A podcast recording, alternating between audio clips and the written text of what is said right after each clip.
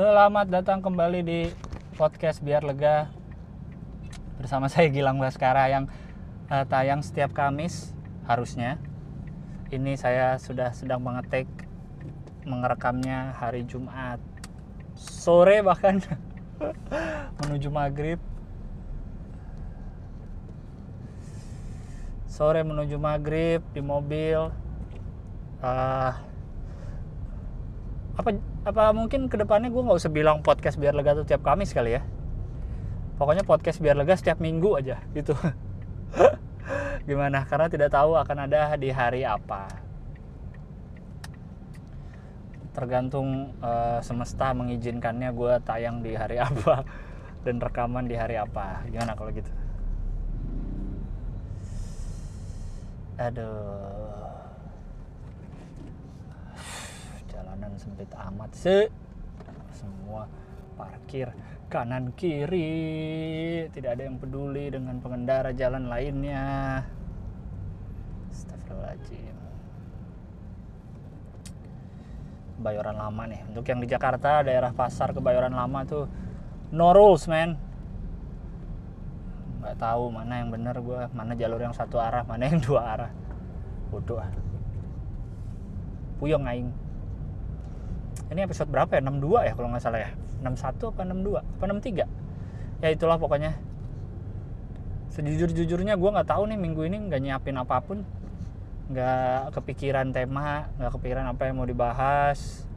Uh, seminggu ini juga kan kegiatan ya gitu-gitu aja paling. Apa ya gue mulai nge-gym. Uh, tadi gue ini kan hari Jumat ya. Tadi siang gue Jumatan di masjid. Jadi uh, sedikit cerita selama pandemi ini dari Maret ya berarti ya gue baru Jumatan ke masjid baru dua kali selama pandemi yang sekitar empat bulan ini. Pertama di bulan Juni. Di bulan Juni di sebuah masjid di sekitaran Tangerang karena waktu itu gue lagi ada urusan ke Tangerang sama teman gue kan terus udah mau Jumatan nih soal Jumat yuk masjid. Ya udah deh ayo deh. Uh, insya Allah masjidnya aman lah. Pas dateng jalan kaki kata orang deket kok ada di sini masjid. Set set set masjidnya ramai penuh selayaknya sebelum corona. Biasa aja orang. Ada yang pakai masker tapi ya nggak semua. Sisanya cuek aja lah. Tidak ada protokol kesehatan sama sekali tidak disediakan hand sanitizer uh, kayak gitulah. Intinya semua seperti tidak ada corona itu jumatan gue pertama. Jumatan gue kedua adalah uh, tadi. Tadi siang jumatan gue kedua di masjid dekat rumah. Akhirnya gue nyobalah masjid dekat rumah. Yang ternyata kan gue datang biasa. Udah udah udah hot uh, hot tip lagi. Hotbah udah agak mulai dikit. Uh, yang ternyata sudah udah rame dong tentu. Dan ternyata sampai keluar keluar sampai ke jalanan uh, jamaahnya. Biasanya kan gue jumatan selalu di masjid itu kan uh, dari kalau dari rumah. Biasanya tuh nggak pernah sampai jalanan. Selalu penuh tapi ya nggak sampai jalanan. Kalau ini sampai di jalanan. Di jalanannya pun tapi bukan jalan gede ya kayak agak gang gitulah. Di jalanannya pun penuh gitu udah rame. Gue mikir gue kan nggak ngeliat suasana di dalam masjid ya karena udah terlalu penuh dan nggak kelihatan juga. Gue sih uh, husnuzonnya adalah mungkin karena di dalam physical distancing jadi kapasitasnya jadi kapasitasnya nggak full ya nggak? Karena physical distancing jadi mungkin kapasitas nggak full kayak biasa. Jadi orang sampai ngeluber keluar. Mungkin kayak gitu. Tapi uh, anjing motor parkir miring pantatnya ke jalan. Eh mantap jiwa mantap jiwa.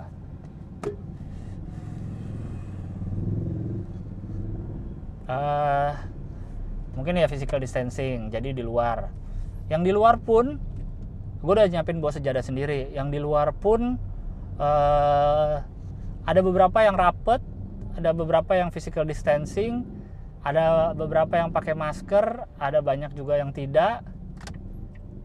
Uh, selesai sholat Jumat gue doa bentar langsung cabut. Nggak mau nunggu keburu rame cabutnya keburu desek-desekan gitu. Walaupun gue juga di luar sih jadi cepet keluarnya. Nggak uh, tahu gue minggu depan nih bakal jumatan apa enggak? Atau paling nggak jangan di masjid itulah. Ada dua sih di komplek gue yang satu agak jauh. Cuma nggak tahu sih ngeliat tadi kok santai banget ya. Karena sebelumnya gue kapan ya? Mungkin 2-3 minggu lalu gue lagi ada kerjaan gitu ke kantor temen gue nih. Kantor temen gue kebetulan di suatu komplek perumahan. Kompleknya komplek nggak komplek mewah banget sih tapi komplek lumayan lah. Rumahnya yang nggak ada pagarnya gitu loh. Tapi bukan klaster juga bukan klaster yang cuma 10 rumah gitu. Nggak nih komplek lumayan tapi bukan yang komplek mewah banget gitu. Persis di depan jadi kantor temen gue kayak rumah gitu. Persis di depannya ada masjid. Waktu itu pas maghrib kan. Ya udah deh maghrib kan sekalian sholat. Ya udah sholat di masjid aja orang masjidnya persis depan rumah banget. Masjidnya gede. Nah itu itu mantep tuh masjidnya. Mungkin karena di komplek dan diurus dengan baik ya. Uh, sholat jemaahnya nggak terlalu banyak waktu itu sholat uh, sholat maghribnya sholat berjamaahnya berjarak. Mungkin ada sekitar 10 10 orang 16 orang lah sholat jamaah maghrib. 10 lah nggak terlalu rame kok. Berjarak kami berjarak.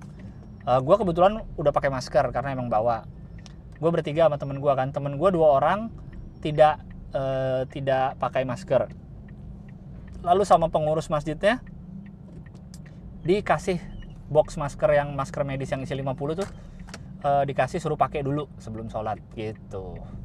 Jadi mereka menyediakan uh, masker untuk yang tidak pakai karena wajib pakai gitu si pengurusnya yang ngasihin secara gratis. Mantep banget.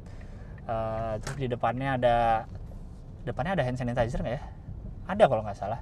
Di tempat wudhunya juga ada uh, sabun untuk cuci tangan. Jadi protokol kesehatan mantap sekali di komplek itu. Suatu komplek di Andara mantap. Walaupun itu masjidnya unik ya di dalam tempat wudhu cowoknya ada kompor. Pas teman gue masuk duluan lang mau bikin indomie nggak? Gue kaget ah bikin indomie? Eh ada kompor dalam masjidnya. Jadi gitulah. Karena gue mikirnya tadi kenapa gue nyoba jumatan lagi? Karena ah gue keluar keluar aja udah kok gitu. Uh, walaupun tetap mencoba mengikuti protokol kesehatan gue keluar keluar udah masa ke masjid? Enggak sih gitu. Akhirnya gue coba tadi sholat jumat.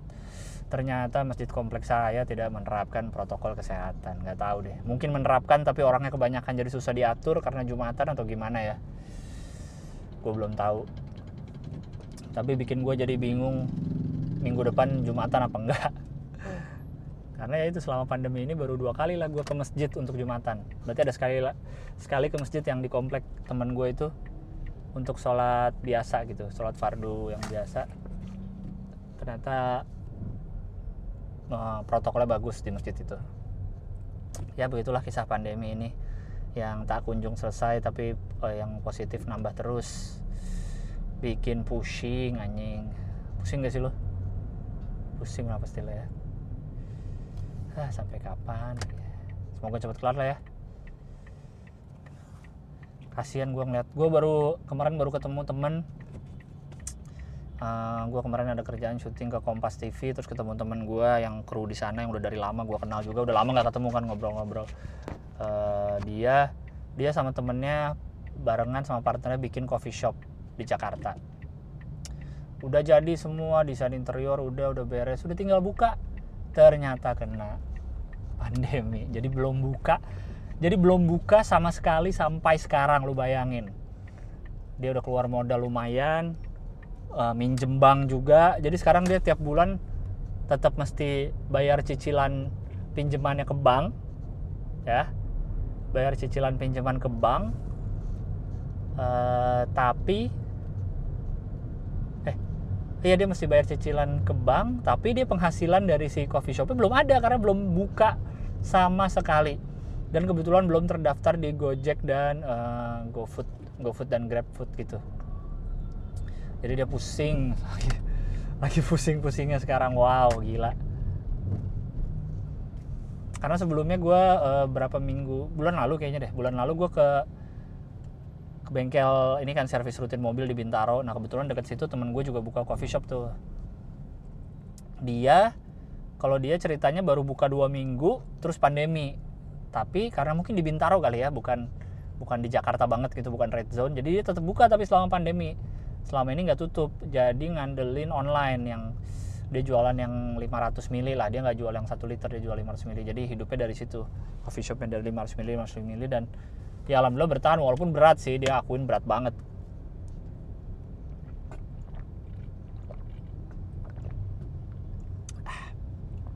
Dia mengakui kalau kalau berat kalau gini terus gitu cuma ngandelin GoFood GoFoodan terus sampai kapan nggak tahu kan. Ngeri banget ya.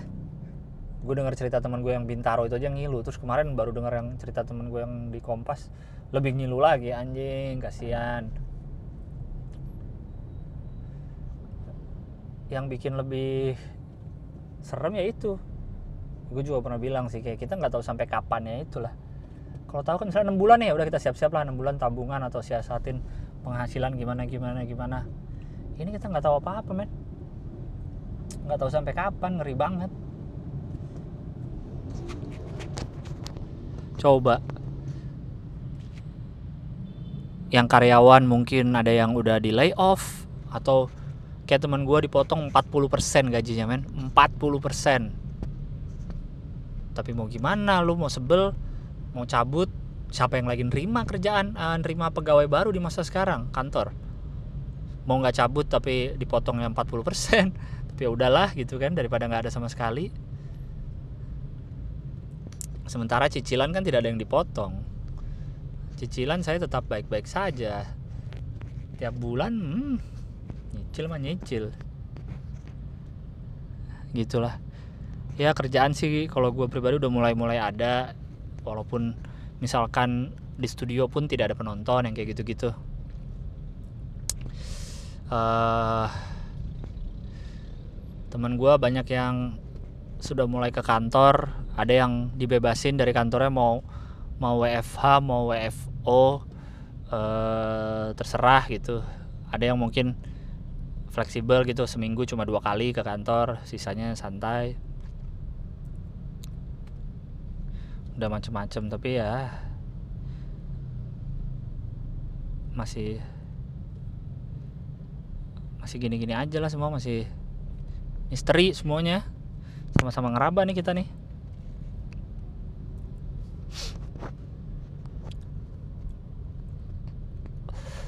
Oh, apa ya? Gue mau ngomongin apa ya? Kemarin 13 Juli stand up Indo ulang tahun loh ke 9 Gokil kan? Sudah 9 tahun loh stand up Indo. Eh, iya 9 tahun bener. 9 tahun men. Dan gue ada Ada kurang lebih dari awal. Huh, mantap. Gak berasa juga udah selama ini ya. Stand up Indo dan gua pribadi gitu berkecimpung di di kayak ginian di stand up sesuatu yang belum pernah kepikiran sebelumnya. Kerjaan baru gitu kerjaan baru yang belum pernah kepikiran sebelumnya. Gak kepikir gue akan ada di bidang ini. Walaupun gue ini mungkin salah satu doa gue dulu kali dijawab Tuhan dengan cara ini. Gue dulu pengen uh, bekerja di industri kreatif lah apa pun bentuknya. Belum tahu waktu itu bentuknya apa karena dulu kan gue suka yang itu gitulah suka ngedesain suka papercraft suka gambar lah. Walaupun semua serba suka aja ya bukan ahli. Suka ini suka itu. Kayak gitu. Dan sekarang gue lagi ada di industrinya nih.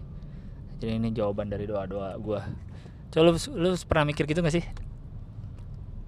Posisi lu sekarang nih coba lu pikir lagi ke belakang apakah ini bagian dari doa-doa lu dulu? Lu ada di posisi sekarang ini mobil yang lu punya mungkin sepatu yang lu punya posisi kerjaan yang lu punya.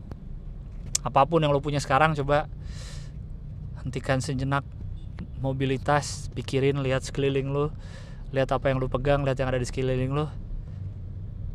Ada berapa doa yang udah terjawab coba yang lu punya sekarang? Gokil. Uh, kalau gue sih jujur ada ya kalau gue rasain ya. Pertama gue pengen yang tadi di industri kreatif. Uh, kedua mungkin ini uh, mainan. Dulu gue pengen banget punya banyak mainan. Walaupun gue uh, udah berapa tahun berhenti ya berhenti beli. Maksudnya udah jarang mungkin setahun bisa sekali doang kali gue sekarang beli mainan. Kalau dulu bisa tiap bulan ada kiriman mainan baru ke rumah.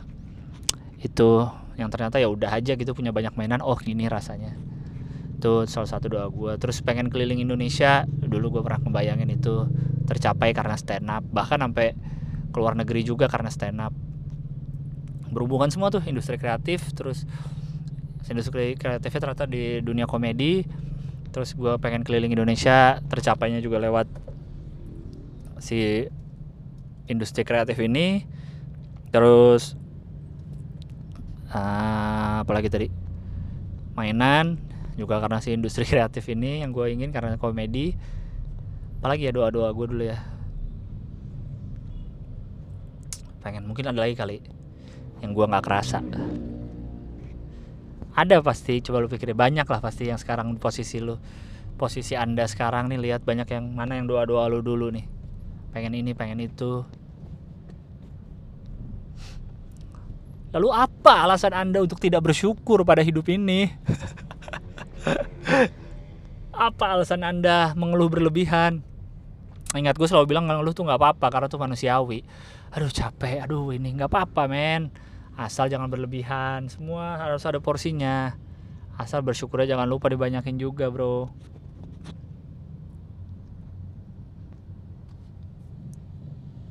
Itu yang bikin ngerasa yang bikin kadang lu ngerasa cukup gitu walaupun bukan berarti lu jadi berhenti ya dengan lu bersyukur masa ya lo terima kasih untuk semuanya. Udah deh saya udah cukup gitu. Jangan terus lu jadi berhenti kerja berhenti berbuat berhenti berkarya nggak juga sih.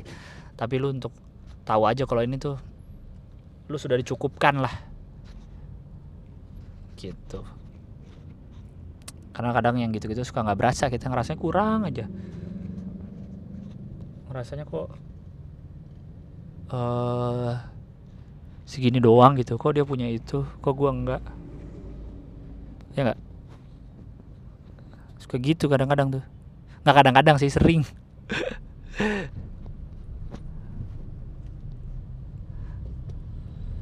Sekarang gue berada di tengah kemacetan Jakarta pulang kantor hari Jumat nih. Ya syukuri aja lah. Kumadei. Masih bisa beraktivitas dan diberi kesehatan dari corona. Maksudnya beraktivitas tetap bisa tanpa kena penyakit. Dan berarti juga mobil gue masih bagus teman dari 2012 ini masih bisa menjadi workhorse menemani gua ke mana pun dengan berapa kilometer ya sekarang 131 ribu kilometer. Berarti berapa tuh coba hitung ya. Hey Siri. 130,000 divided by 8 130,000 divided by 8 is 16,250 Oke, berarti mobil gua ada suara Tokopedia tuh. Berarti mobil gua setahun eh kok nyala? Berarti mobil gua setahun jalan 16.000 km kira-kira 16.000 km tuh ke mana aja berarti ya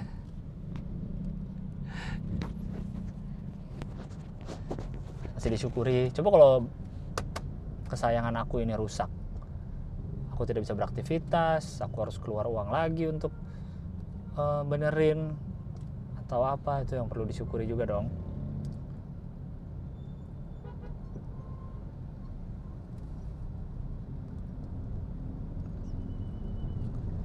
Sesimpel ini sih kalau lu bingung.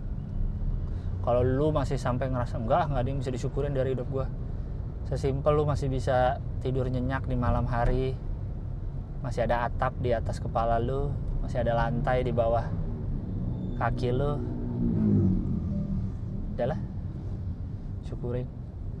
Itu Kia Carnival yang baru tuh keren juga ya. Tadi barusan papasan. Kayak van gitu ya besar.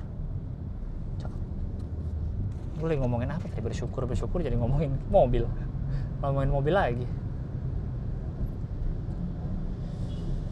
Ah, udah terlalu serius gue nggak mau terlalu serius gue kayak orang bener. Ya, tapi bener sih bersyukur.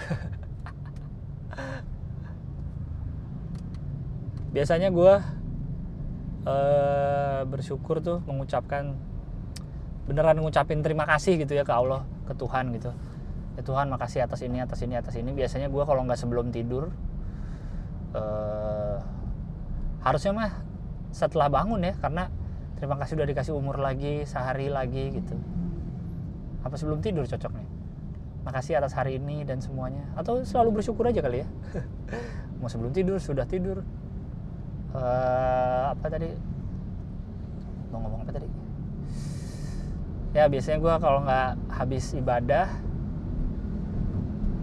uh, sebelum tidur biasanya sih kalau saya mah kayaknya paling pas. Paling pas aja gitu.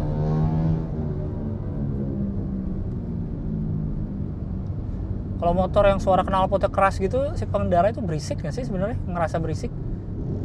Apa kita doang sebagai pengendara lain yang terasa berisiknya?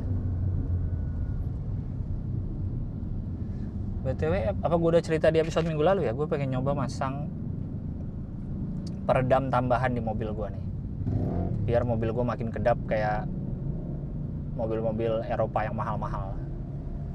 Kayak BMW kayak Mercy Mercy yang yang udah keren-keren tuh kelasnya tuh. Tuh kan kedap banget tuh dalam itu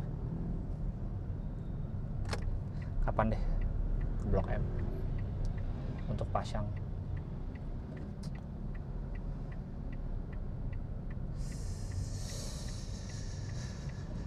Ah apa lagi yang mau diomongin ya gue beneran bingung nih nggak nggak nyiapin apa-apa. Ya biasanya juga cuma nyiapin poin-poin sedikit sih. Tapi ya. Oh gue baru ini. Gue baru lagi belajar DaVinci Resolve. Yang tidak tahu DaVinci Resolve itu adalah software untuk edit video edit audio di uh, eh, PC di laptop karena selama ini gue pakai Adobe Premiere uh, yang terakhir gue pakai ini bajakan. Ya jangan ditiru sih. Walaupun gue juga udah pernah ceritakan kalau gue tuh makin ke sini mengurangi bajakan. Mencoba mengurangi software nih yang masih ada beberapa yang gue pakai bajakan nih. Tadinya gue pakai Adobe uh, Premiere tuh nggak tahu sih semi bajakan kali ya. Jadi kayak ada orang yang buka jasa buka jasa di Tokped gitu gue nemu ini subscription uh, subscription Adobe Premiere selama setahun. Jadi gue harus perpanjang per tahun. Karena kan sekarang Adobe dia gitu sih ya Adobe tuh bisnisnya ya itu bisnis sih tapi ya udahlah ya. Uh, eh, gue sebel aja. Karena dia tipenya kan tahu orang Adobe kan paling lazim dipakai kan. Ya Photoshop ya Premiere ya Lightroom ya After Effect dia kan sistemnya kita langganan. Jadi kita harus bayar per bulan atau per tahun kalau mau pakai softwarenya secara uh, legal gitu. Padahal kalau ada yang bisa aja beli sekali beli untuk seumur hidup mau gue bayar berapa dolar gitu kayak mungkin sejuta atau berapa gitu kan jutaan. Tapi asal sekali bayar aja. Ini gue kan pernah ngeliat paket-paketnya tuh. Kalau mau paket satuan doang tuh mahal emang satu software. Ada yang paket full semua Adobe per tahun tapi gue nggak butuh. Paling gue yang sering gue pakai Premiere sama Photoshop doang akhirnya gue nyari lah di Tokped tuh. Sempet tuh gue pakai tuh. Setahun apa dua tahun ya kayak gitu tuh. Adobe nya langganan. Langganan dari Tokped tapi. Nah tuh gue nggak tahu tuh legalitasnya. Kayaknya sih semi semi legal ya. Jadi kayak mungkin ini sama aja kayak orang yang jualan akun Netflix premium gitu kali sih. Ya nggak sih? Uh, kayak gitu. Nah sekarang kan gue udah berapa bulan terakhir tuh error abis itu. Terus gue jadi pakai bajakan lagi Nah terus gue ternyata googling-googling ada nih yang menjadi saingannya dan full gratis dengan segala macam fitur namanya DaVinci Resolve.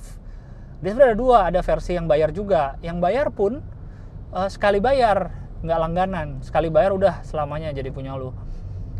Uh, terus yang yang yang full itu kelebihannya adalah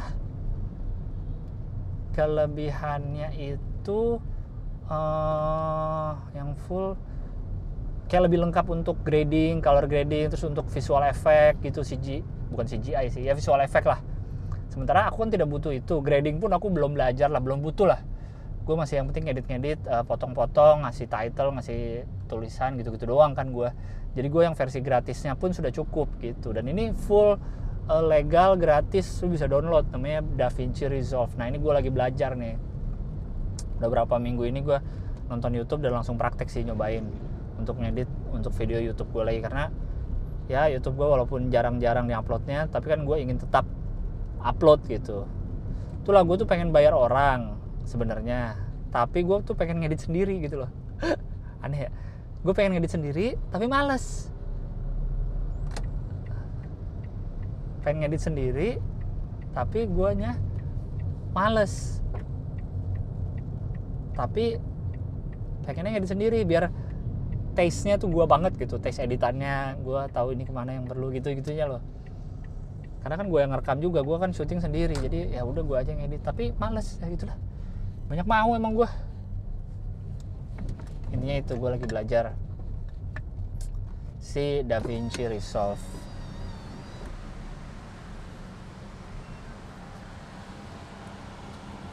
Oh iya silakan. Iya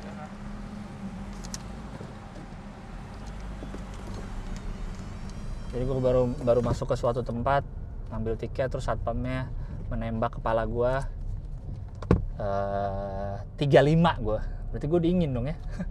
Nggak normal juga dong 35 kan. Sekarang nih di tempat umum. Sebelum gue udahan nih sesi ini.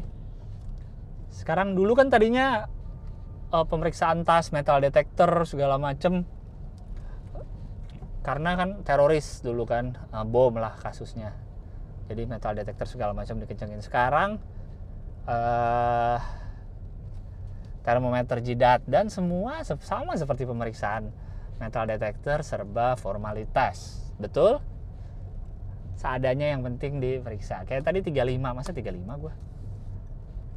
Kayak gitu. Terus kadang uh, apa namanya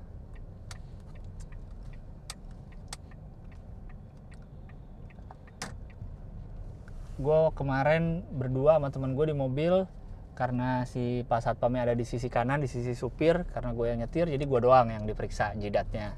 Temen gue enggak tapi oke aja masuk. Kayak aneh sih peraturan kayak peraturan dari polisi kalau di mobil berdua harus satu di depan satu di belakang.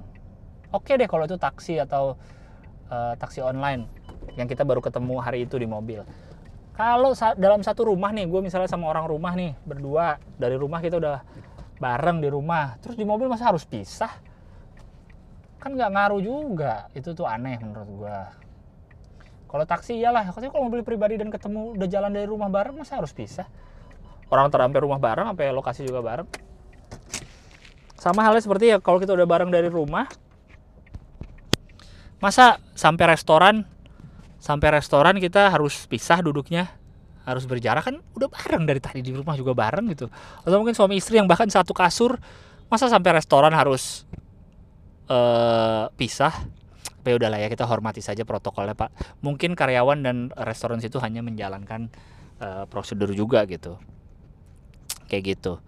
Yang sejauh ini yang menurut gue ketat itu McDonald's. Gue udah berapa kali sempet uh, makan di McDonald's dine in. Dia yang ketat tuh uh, eh, gue berdua aja nih padahal udah semobil. Saat antri depan kasir nggak boleh barengan harus sendiri-sendiri dan jarak satu meter di belakang. Terus duduknya pun kalau yang ditulis X sama sekali tidak boleh didudukin. Karena kalau di restoran lain gue sempet makan di mana ya? Ya di tempat beberapa tempat lain lah. Yang walaupun udah X masih boleh-boleh aja kadang didudukin. Nggak nggak nggak di nggak disuruh nggak disuruh pergi sama mbaknya. Kayak gitu.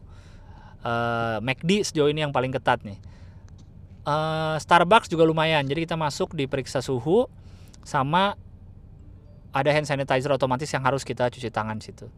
Kalau Mac oh McD juga ada hand sanitizer disemprotin sama satpamnya kayak gitulah. Itu ya kayaknya yang franchise franchise luar gitu ya yang paling ketat. Ya kurang lebih begitu. Oke deh udah. Gue nanti lanjut lagi baca email Okai Coba tebak gue merekam bagian kedua dari podcast biar lagi episode 62 ini kapan. Kalau tadi kan Jumat sore, sekarang Jumat dini hari sudah menuju Sabtu. Biasalah gue tuh selalu males mulai. Karena tadi kan zoomnya dibawa-bawa, terus sekarang berarti gue harus setup lagi zoomnya di meja. Aduh, Ntar gue bikin studio sendiri lah. Oke sekarang saatnya baca email yang sudah masuk ke podcast podcast biar lega at gmail.com Oke email pertama udah dari 19 Juni Oke aku baca ya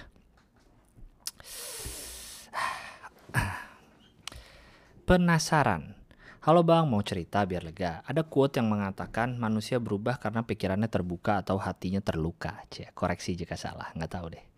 Uh, Nah, menjadi manusia yang berubah karena hatinya terluka, lalu secara tidak langsung pemikirannya terbuka itu boleh nggak ya bang? Soalnya sepertinya begitu. Eh, soalnya gue sepertinya begitu. Menurut bagaimana menurut anda, Bung Gilbas? Ah, menjadi manusia. Nah, jadi manusia yang berubah karena hatinya terluka, lalu secara langsung pemikirannya terbuka. Eh, iya, ya nggak apa-apa karena nggak ada benar salahnya dong, ya nggak? Uh, karena berarti fasenya yang lu lewati ya itu gitu. Mungkin bukan berubah sih, gue nggak mau menggunakan kata berubah lebih tepatnya bertumbuh ya karena berubah susah sih untuk manusia berubah menurut gue ya uh, kalau udah sifatnya emang sombong sampai mau miskin mau kaya dia juga tetap sombong seumur hidupnya gitu. Jadi mungkin lebih ke bertumbuh atau ya pemikirannya berubah gitu. Uh, eh, gue jadi berubah ya? Ya pemikirannya jadi terbuka lebih terbuka tapi jadi bertumbuh sih itu sebagai manusia menurut I. Oke lanjut. Uh, ntar dulu ya gue mau mau i-checkin dulu gimana ya. Oh iya deh emang drive. Ya udah sih ntar dulu ya. Padahal gue bisa pause loh. Gak apa-apa biar kalian semua dengerin.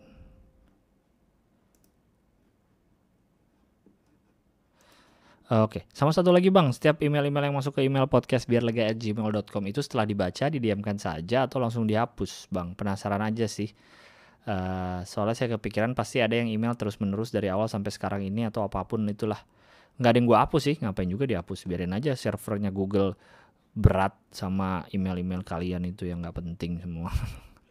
Oke sekian bang, btw gue biasa dengerin podcast lo sembari kerja rumahan bang, beres-beres rumah. Oke terima kasih banyak.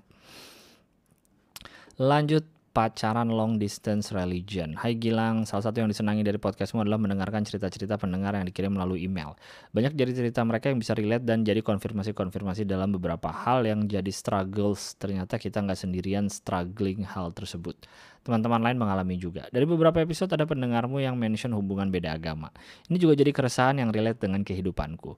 Usia aku masuki 25 tahun. Sejujurnya aku nggak pernah force myself too hard harus menikah di usia berapa dan semakin ke sini juga bukan masalah usia yang jadi keresahan. Yang jadi keresahan justru bukan usia bertambah, melainkan pemahaman semakin terbuka, pergaulan makin luas, dan bertemu dengan orang yang bisa kita nggak sangka akan jatuh cinta dengan orang tersebut. Kebetulan aku berkarir di bidang event yang membawaku banyak bertemu orang, dan aku juga punya usaha F&B yang juga mana marketing produknya melibatkan banyak orang. Dari kedua hal itu, aku banyak ketemu orang-orang.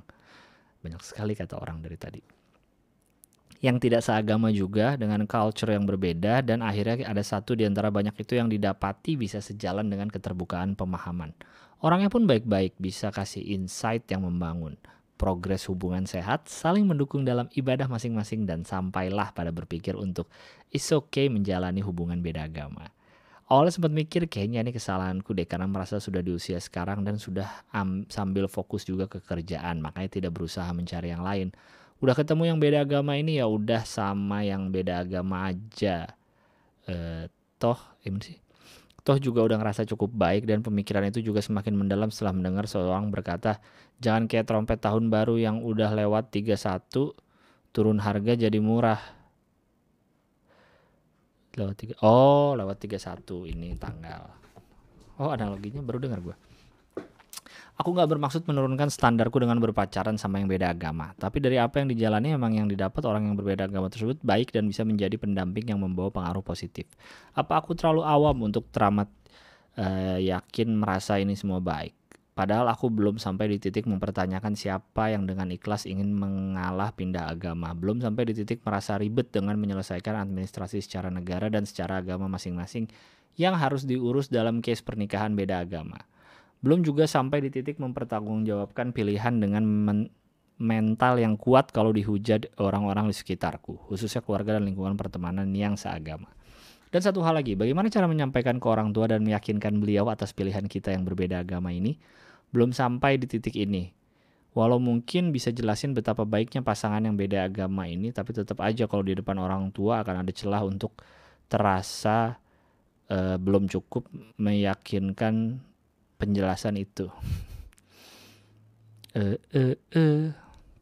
Gilang, I know you from your answer ke pendengarmu yang bertanya perspektifmu tentang pasangan beda agama. Dirimu cukup terbuka dan welcome dengan pilihan beda agama. I really appreciate it and happy to know your kindness. But sorry I put you in the situation to imagine kalau seandainya kamu juga ada di case ini. Bagaimana cara kamu menjelaskan meyakinkan orang tua untuk pilihan hidupmu? We'll be glad to hear your advice. Thanks in advance. Kenapa sih jadi beban semua gue harus gue jawab? Gue sih bukannya uh, appreciate welcome beda. Gue sih welcome dengan semua sih mau lu mau lu gay kayak mau lu suka sama cewek juga mau lu suka sama tanaman. Asal nggak lu bukan perampok lu bukan teroris yang ngeledakin bom bunuh diri. Eh kalau bom bunuh diri kan mungkin itu ya. Lu bukan masuk jaringan teroris gitu lu bukan orang yang uh, bunuh orang lain karena berbeda. Lu bukan orang yang ngerampok lu bukan koruptor lu bukan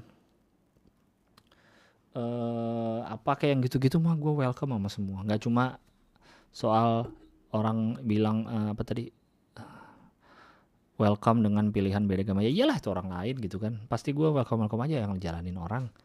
Kenapa mesti gue tidak welcome atau tidak setuju? Siapa saya menjadi hakim dunia bagi orang-orang lain tersebut? Gitu. Jadi gue kayak lebih ke semua sih. Uh, saran saya adalah banyak berdoa ikuti kata hatimu. Karena pada ujungnya kita hidup sendirian lah di bumi inilah. Nggak maksudnya walaupun kita perlu bantuan orang dalam melakukan apa pun tapi tetap ujung-ujungnya ya kita hanya sendirilah. Menjalani semuanya apa pun pilihan. Ini mah lebih jawaban general lah jadi apa pun pilihan yang diambil. Karena kan yang yang susah itu kan bukan milih tapi uh, konsisten menjalani hal yang sudah dipilih tersebut. Ya gak? itu yang susah. Milih mah gampang milih apa pun. Gampang gitu. Ada pilihan mah pilih yang ini gampang. Yang susah adalah komitmen dan uh, konsisten dengan pilihan yang sudah diambil tersebut. Jadi terserah anda. Ikuti banyak doa banyak ibadah banyak doa dan ikuti kata hati. Karena sejauh ini kayaknya kata hati itu tidak pernah salah deh dia ke mana membawanya membawa uh, kehidupan kita ya nggak Senang bisa menyalurkan keresahan ini dengan bercerita dan menulis email. Semoga teman-teman di luar sana yang sedang mengalami, yang sedang dalam struggle pilihan pasangan beda agama bisa sama-sama dikuatkan dan terus melanjutkan hidup dengan kebahagiaan yang sejati. Cuelah. Terima kasih Gilang sehat-sehat dan bahagia ya. God bless ya. Terima kasih sama-sama.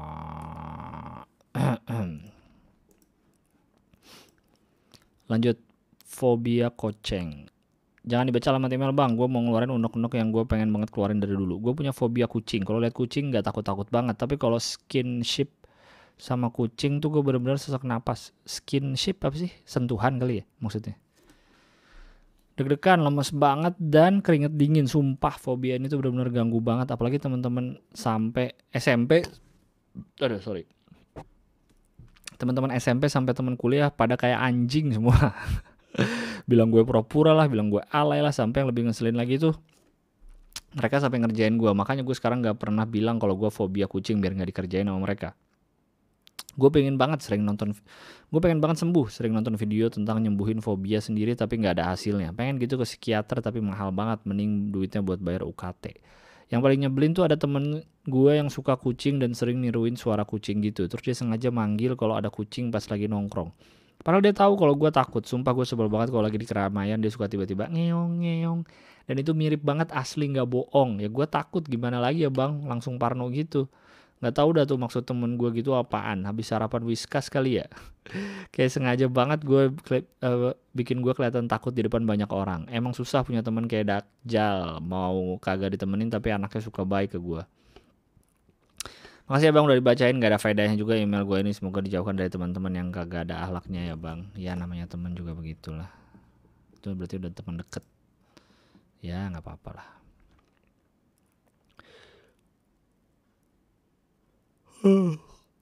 Wah. Oh ini seru nih kayaknya nih. Uh, karya saya dijiplak masuk 9 gag dan dijual-jualin. Halo Bang Gilbas, perkenalkan nama saya Tidar, seorang ilustrator indie alias freelance ilustrator yang berdomisili di Malang. Bukan Bang, bukan dari bukan di Lowokwaru. Karena kalau ada email dari Malang, Anda selalu bilang pasti kamu dari Lowokwaru. Enggak, pasti kamu dari Klojen, ya enggak? atau dari Sigura-gura, atau dari Sriwijaya, atau dari Suhat, atau dari Saya mau cerita bang dan nanya pendapat bang Gilbas. Jadi cerita gini bang, suatu malam saya dimention seorang teman di sebuah gambar 9gag di Twitter. Setelah saya lihat gambarnya ternyata itu adalah gambar yang dijiplak dan diubah dari gambar yang saya buat tahun 2017 berjudul I Am The Champion untuk keperluan display picture di Dribble. Oh, dia ngasih link Dribble-nya nih. Uh, gua klik dulu. Dan Instagram. Gambar itu merupakan interpretasi saya dari sebuah kalimat klise yang sering kita dengar di seminar-seminar ISQ nggak jelas bahwa kita semua lahir sebagai pemenang. Hehe. Jadi gambarnya nih kayak uh, sperma atau kan bentuk sperma kayak kecebong warna putih. Ini gue uh, menginterpretasikan ini maksudnya sperma ya. Sperma uh, lagi seneng karena dia dapat medali emas. Karena dia sperma yang menang. Gitu bukan maksud karya lo. Lucu gambarnya. Uh, Oke. Okay. Lalu saya melakukan penelusuran lebih lanjut di Google dan menemukan bahwa ternyata karya saya tersebut banyak dijiplak dan dijual dalam bentuk merchandise di situs-situs seperti Redbubble, T-Public, T apalah dan TT lainnya. Buktinya saya lampirkan di bawah. They are making money out of my work. Sementara saya di sini masih miskin, cok. Cok. Gue paling senang dengar orang Jawa Timur ngomong jan, janco, janco dengan penekanan yang pas. Gue nggak bisa soalnya. Jan, janco dan saya di sini masih miskin cok gitu nggak sih? Nggak ya kurang. Dan yang membuat saya tambah kesal adalah orang-orang ini mengubah gambar saya tersebut dengan cara yang wadaw. Bukan yang jadi tambah bagus malah jadi makin busuk. Coba ya gue cek. Ini gambar yang asli. Coba jadi apa? Oh iya dibikin jadi dibedain dikit ekornya jadi ke kanan dijadiin muk. Wow kalau di googling banyak sekali udah jadi kaos jadi apa Wow, wow, wow, wow, wow, wow, wow, wow. Ya, ya, ya, ya. Ya pada akhirnya saya tidak melakukan apa-apa, cuma bisa mendoakan orang-orang tersebut agar anusnya mampet tidak bisa digunakan untuk BAB selama-lamanya. Oh ya bang, sekalian lah kalau bang Gilbas dan biar lega mania berkenan bisa lihat-lihat gambar saya di nih yang mau lihat instagram.com ini slash eh slash lagi. Ini akun IG-nya ya. Otak underscore idang. Otak idang. Otak underscore idang oke. Okay? uh, atau dribble.com slash otak underscore idang. Atau mungkin kalau perlu ilustrator atau gambar buat apa saja saya bisa bang. Oke ntar saya save dulu emailmu ya. Siapa tahu saya perlu di masa mendatang. Uh, gimana cara di dikasih star biar gue ntar kalau nyari gampang oke okay. uh, mana tadi lanjut Terima kasih banyak Bang udah dibacain. Semoga sehat selalu dan podcast Belga bisa menjadi nomor satu mengalahkan podcast Mas. Enggak lah, jadi nomor satu. Saya bukan tujuan saya bikin podcast nih. Podcast Mas mantap sekali, lucu banget. Gue juga senang denger ya. Jadi gue lagi ngecek Instagramnya si gambar sperma itu dijadiin uh, apa namanya profile picture. Biar orang tahu kalau itu punya lo. Ya susah sih ya. Masalahnya yang upload ke 9GK juga nggak tahu siapa kan. Bukan lu yang upload kan. Bukan lu yang upload terus bukan 9gag juga yang duitin alias orang-orang lain mungkin ngeliat gambar itu di 9gag atau apa. Uh, akhirnya jadi di copy copy aja dibikin-bikin gitu. Nggak tahu sih waktu lo upload ke dribble gue nggak ngerti dribble ya. Itu tuh kayak deviant art kali dulu ya atau apa sih? Dulu gue upload tuh ke deviant art apa itu nggak diprotek ya gambar lu atau apa sehingga bisa ditiru ya? Atau belum lu daftarin? Atau gue nggak ngerti lah kalau soal copyright yang resmi gitu gimana caranya. Cuma gue prihatin sih melihatnya. Baru tadi gue bahas juga kan soal gue apa namanya tadi belajar pakai software software editing yang yang gratis gitu biar nggak ngebajak emang tidak enak dibajak bro makanya gue juga berusaha untuk sangat ngurangin bajakan sedari lama Wah, gue turut prihatin. Semoga ini Siapa tahu nanti berkah ke lu dari bukan dari gambar ini rezekinya. Mungkin gambar ini jadi kesebar luas anggap aja jadi portofolio. Ini kalau melihat sisi positif ya. Dan nanti dapat duitnya dari gambar atau karya yang lain yang setelah ini gitu. Ya kan. Nah, ya udahlah. Mau gimana mau dituntut siapa yang dituntut? Tapi tapi aduh nggak tapi nggak enak juga dibajak ini tapi ah eh ya udahlah. Oke lanjut. Anonim dampak pandemi covid. Halo bang Gilbas saya mau cerita soal dampak covid ini. Jadi istri dan kakak saya itu adalah nakes di kota Bogor. Istri saya bidan di salah satu rumah sakit semi swasta semi pemerintah. FYI jangan dibaca. Titik-titik. Oh itu nama rumah sakitnya. Dan kakak saya seorang apoteker di rumah sakit swasta oh istrinya tadi bidan, kakaknya apoteker. Karena COVID ini banyak yang orang takut ke rumah sakit dan memang dianjurkan pemerintah untuk tidak ke rumah sakit kalau tidak mendesak. Dampaknya rumah sakit jadi sepi pengunjung atau pasien yang berarti pemasukan juga berkurang. Sedangkan di sisi lain rumah sakit banyak pengeluaran untuk COVID. Yang dirugikan adalah nakesnya. THR kemarin alhamdulillah tetap cair tapi dicicil 3 bulan. Terus paket sembako THR pun dipangkas. Tahun lalu bisa dua kantong lebih, kemarin cuma satu kantong. Dan pamungkasnya adalah merumahkan beberapa karyawan, tapi alhamdulillah istri dan kakak saya tidak termasuk ke dalamnya. Mungkin orang-orang di luar sana taunya bantuan untuk nakes dari pemerintah dan swasta bejibun, tapi nyatanya yang sampaikan nakesnya nggak seberapa. Nggak tahu deh kalau saat penyaluran udah belok ke kantong siapa dulu. Hmm, pasti emang diambil sama anjing-anjing itu tuh di atas-atas tuh. Gue juga sebel. Akhirnya yang kena yang kita-kita gini lah kroco-kroco kapitalisme yang di bawah ini di negara korup ini. Intinya masa pandemi gini semua berdampak mulai usaha kecil sampai usaha gede. Pizza Hut sampai jualan di pinggir jalan bener. Gue baru tadi juga lihat masih eh, seratus ribu dapat eh seratus ribu dapat empat empat rasa empat pizza. Kayaknya dapat empat pizza yang personal deh, yang kecil banget tuh. Seratus ribu dapat empat dan jualan pakai motor di pinggir jalan. Uh, Domino's juga suka ada tuh. Sampai perusahaan gede aja sampai gitu loh. Perusahaan gede, Topet, Bukalapak, Grab, Gojek, Traveloka banyak PHK. Iya betul. Bahkan Airi tutup, Hook tutup. Dan kata Bang Gilbas yang tetap nyaman hanyalah PNS-PNS yang kalau kerja di kantor juga cuma ngopi dan makan gorengan doang. Waduh, saya nggak tahu ya kalau itu ya. Apakah mereka cuma ngopi dan makan gorengan doang? Takutnya itu tuduhan yang nggak uh, beralasan. Karena setahu saya mereka main Zuma juga. Tapi emang bener PNS enak nih saatnya. Wah baru sekarang gue kepikiran tai lah sosok mau jadi stand up mau ngibur orang. Kagak lah PNS sudah paling bener sama koruptor. Harusnya gue jadi pejabat. Uh, gue korupsi udahlah yang penting gue kaya di dunia. Mau gue akhirnya masuk neraka kayaknya nggak apa-apa dah. Daripada gini sekarang ya nggak? Kerja keras setengah-setengah kaya enggak miskin enggak tapi di tengah-tengah aja gitu. Sementara kita ngeliat yang kita tahu busuk-busuknya orang atau pejabat dia kayak raya banget rumahnya gede bisa keluar negeri apalah segala macem lah. Secara uang ya gue nggak tahu kebahagiaan mereka ya tapi paling nggak kayak raya lah. Paling nggak kayak raya di dunia terus jelas masuk neraka ya kita kita ini nih yang kaya enggak miskin enggak tapi ngelakuin dosa juga iya dan kayaknya masuk neraka juga kayak. Jangan jangan jangan jangan jangan ikuti pemikiran tadi. Tetaplah berbuat baik tetaplah berusaha keras jangan sirik sama orang yang kaya banget tetap beribadah ya. Sekian kalau kesah saya sama ini saya sampaikan biar saya biar lega. Biar saya biar lega. Sehat selalu sukses selalu regards best regards. Baru juga tadi gue cerita soal coffee shop teman gue ya. Aduh memang sedih lah ini. Ah ini lanjutan yang tadi nih. Uh, dampak pandemi covid continue. Dia bang Gilang baru juga tadi pagi saya email cerita dampak covid istri dan kakak saya. Ternyata saya juga mau saya juga mau tidak mau terkena dampak covid ini. Siang ini ada pengumuman dari atasan kalau gaji bulanan saya dipotong juga. Demikian kelesa saya sampaikan biar lega.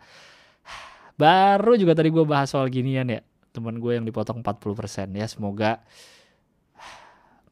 ingat satu pintu ketutup pintu lain kebuka. Mungkin uh, di gaji bulanan kamu yang sekarang pintunya udah setengah-setengah ketutup nih karena dipotong tapi gue yakin ada gaji eh gaji pintu lain yang kebuka lanjutan kok udah ada email lanjutan dia email sebenarnya yang mana Hah?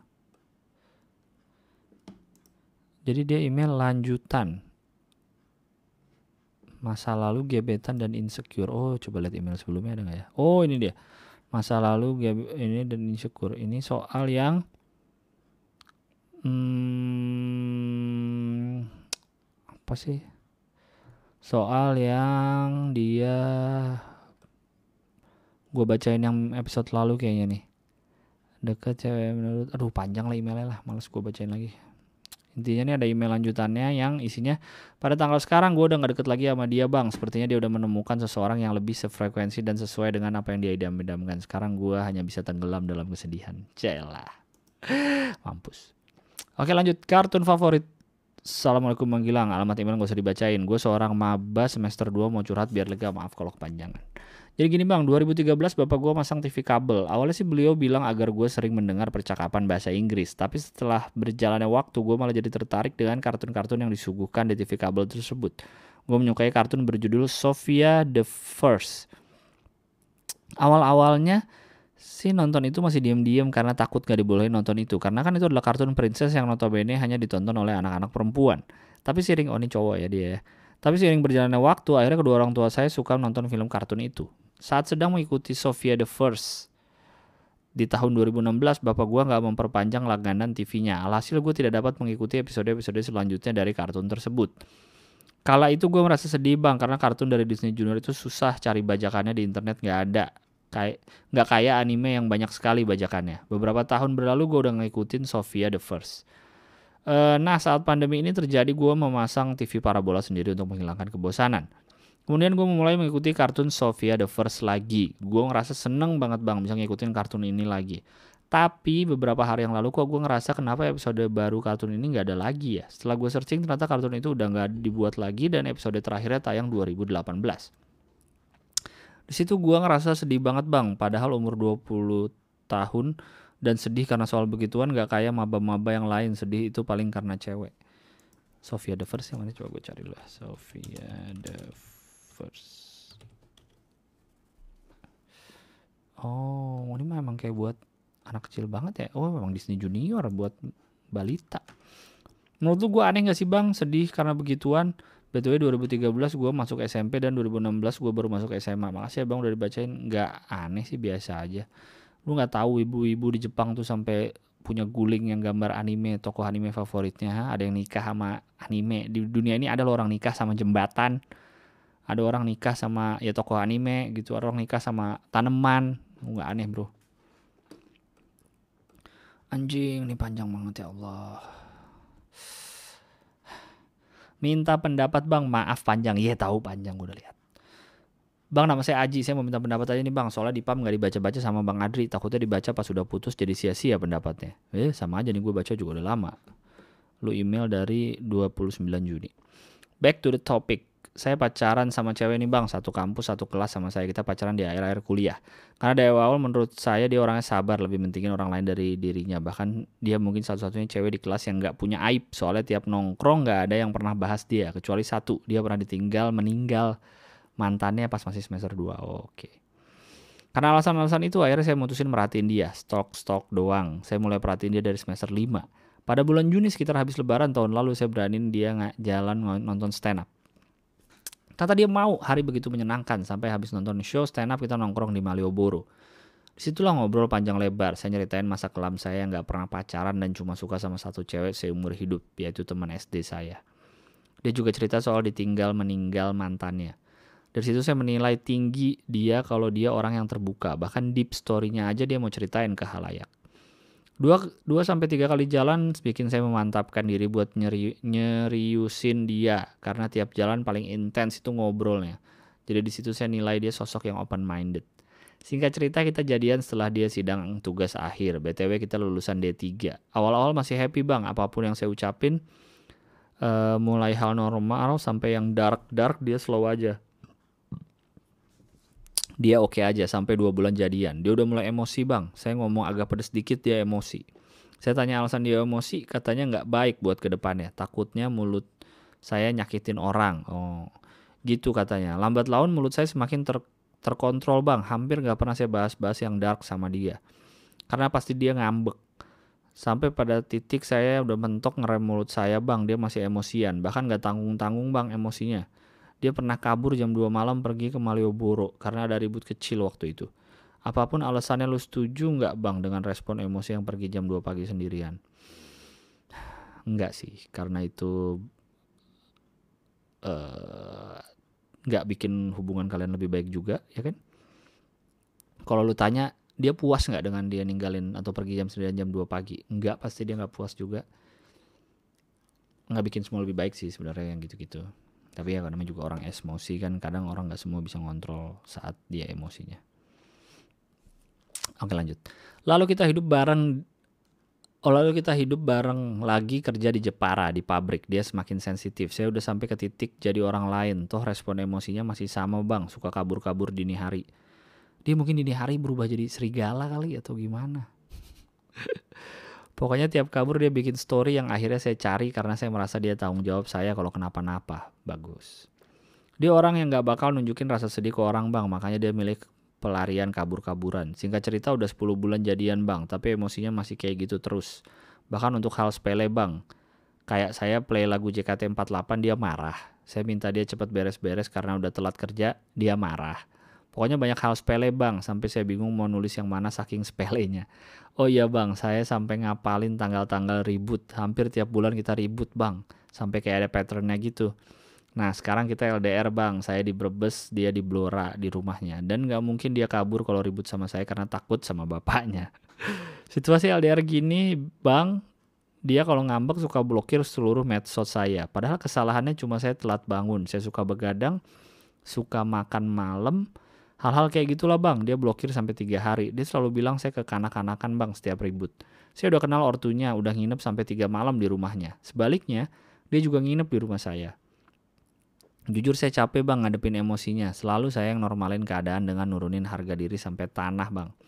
Tapi di lain waktu saat dia sadar, menurut saya dia terbaik bang. Dia mau nyuciin baju saya, dia masakin saya, bela-belain datang jauh ngerawat saya pas sakit. BTW ibu saya TKW. Pokoknya the best bang dikala sadarnya. Tapi di sisi emosinya ngaco, dia suka batalin janjian hanya karena saya ngelakuin hal uh, yang salah menurut dia. Nggak ada toleransi, pokoknya batal aja udah. Soalnya dia kalau ribut nggak ngeklirin kala itu juga harus nunggu 2-3 hari harus baikan tanpa bahas masalahnya. Pernah saya bahas dia malah marah lagi nyalahin saya A, B, C, D. Jadi saya putusin nggak mau blow up masalah kalau udah tenang pasca ribut. Dia juga suka ngomongin mati-mati kalau sifat depresinya kambuh. Saya bingung bang harus ngapain, mertahanin berusaha ngubah emosinya apa dia yang punya sisi depresi yang harus ditolong bang. BTW dia waktu kecil sering dihakimi ortunya sampai main fisik. Saya takut bang kalau lanjut sama dia akhirnya nikah. Saya takut pas hamin satu akad dia ngambek dan akhirnya nikah batal. Saya harus gimana ya bang lanjut apa stop? Makasih bang udah bacain semoga lancar terus podcastnya. Panjang ya. Pertama kalau menurut lu dia punya masalah masa kecil, sering dijudge segala macam, ada baiknya jangan email ke gua tapi anda ke psikiater.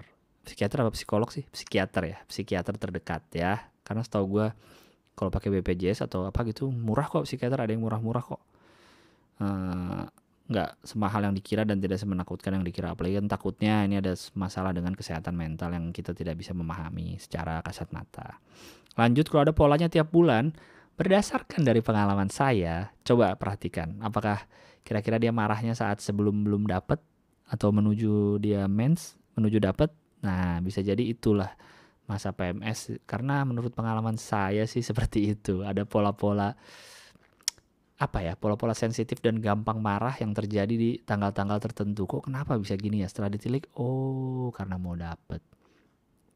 Kayak gitu. Jadi coba perhatikan tanggalnya uh, sekarang lu pikirin aja. Lu banyak senengnya apa banyak sebelnya sama dia? Siapa tahu lu ternyata pelengkap dia gitu. Kalau nggak ada lu mungkin dia bisa lebih gila lagi kali marahnya ya enggak siapa tahu kayak gitu. Terus uh, lu nggak akan bisa ngubah dia sekali lagi. Lu nggak akan bisa berubah orang. Berusaha ngubah ekspresi emosi susah. Lu nggak akan bisa ngubah orang. Yang bisa lu ngubah diri lu sendiri pelan-pelan dengan harapan orang lain itu sadar maksud kita dan akhirnya mereka bertumbuh dengan sendirinya dan meredam hal-hal yang jelek dari dirinya ya nggak? Kayak gitu aja sih dari gua si soto ini. Aduh anjing nih selanjutnya juga panjang pisan. Terakhir lah ya udah udah 30 menit Jangan dibaca di alamat, alamat email ya bang. Apa ini trust issue ya? Ini nama subjeknya. Kalau bang Gilang nama aku ada di alamat email nggak usah disebutin ya bang. Aku umur 20 tahun mau cerita masalah aku yang mungkin trust issue. Di umur aku yang sekarang dan lingkungan aku yang gini-gini aja, aku jarang nemuin trust issue karena nggak ada di antara teman-teman aku yang ngomong, aku punya trust issue sama cowok nih kayak gitu. Kalaupun ada teman aku yang jomblo ya emang pilihan aja. Kebanyakan dari mereka pakai alasan emang gak mau mendekati zina. Jadi aku nggak benar-benar tahu gimana sebenarnya trust issue ini. Sekarang ini aku pacaran 2 tahun sama emas. Sama emas. Oh ini nama nama samaran. Dan kita LDR dari awal pacaran. Anggap aja emas ini nama pacarku bang. Emas ini baik banget. Tipe cowok yang gak macem-macem. Selama 2 tahun kita pacaran justru banyak masalah yang akarnya dari aku. Misal aku cuek banget. Gak mau angkat telepon dia kalau lagi di luar atau kalau lagi sama teman. Aku selingkuh deket sama cowok lain ya walaupun gak jadian tapi tetap aja. Kenapa lu selingkuh anjir? dan banyak masalah lain yang emang aku yang buat. Tapi dia tetap bertahan dan masih mau sama aku. Bahkan dia rela dalam setahun tiga kali nyamperin aku ke Jakarta dari Jawa Timur sana cuma buat ketemu aku. Aku masih percaya bang cinta dan ketulusan itu ada. Tapi akhir-akhir ini aku capek bang. Hampir tiap hari dengerin mama aku jelek-jelekin laki-laki. Emang sih dari dulu juga sering. Kira-kira mulai dari aku masuk SMA kalau sekarang gampang banget kepancingnya Misal abang aku atau ayah aku ngelakuin kesalahan atau lupa sesuatu. Terus mama biasanya bakal bilang, kan dek semua laki-laki gak muda gak tua mah sama aja. Kalau udah dapet enaknya mah udah lupa. Emang cuma mau enaknya aja. Atau enggak, Makanya dek, kamu jangan percaya janji laki-laki. Mulut mereka tuh manis pas lagi ada maunya aja. Kalau udah dapet mah, kita jelekin lagi. Yang bagus mereka aja terus. Itu kira-kira ibu lu ngomong kayak gitu nggak nadanya? Nggak ya? Gue biar bedain aja mana baca email dan suara ibumu ceritanya. Dan masih banyak rangkaian kata-kata buat jelekin laki-laki yang lain. Pokoknya mama selalu ngedoktrin aku untuk nggak terlalu percaya sama laki-laki dan katanya lebih baik milih laki-laki yang mencintai kita daripada kita yang mencintai gitu. Wow, ribet sekali ya mamamu ini. Uh, eh, gue nggak kenal, gue bilang mama lu ribet lagi.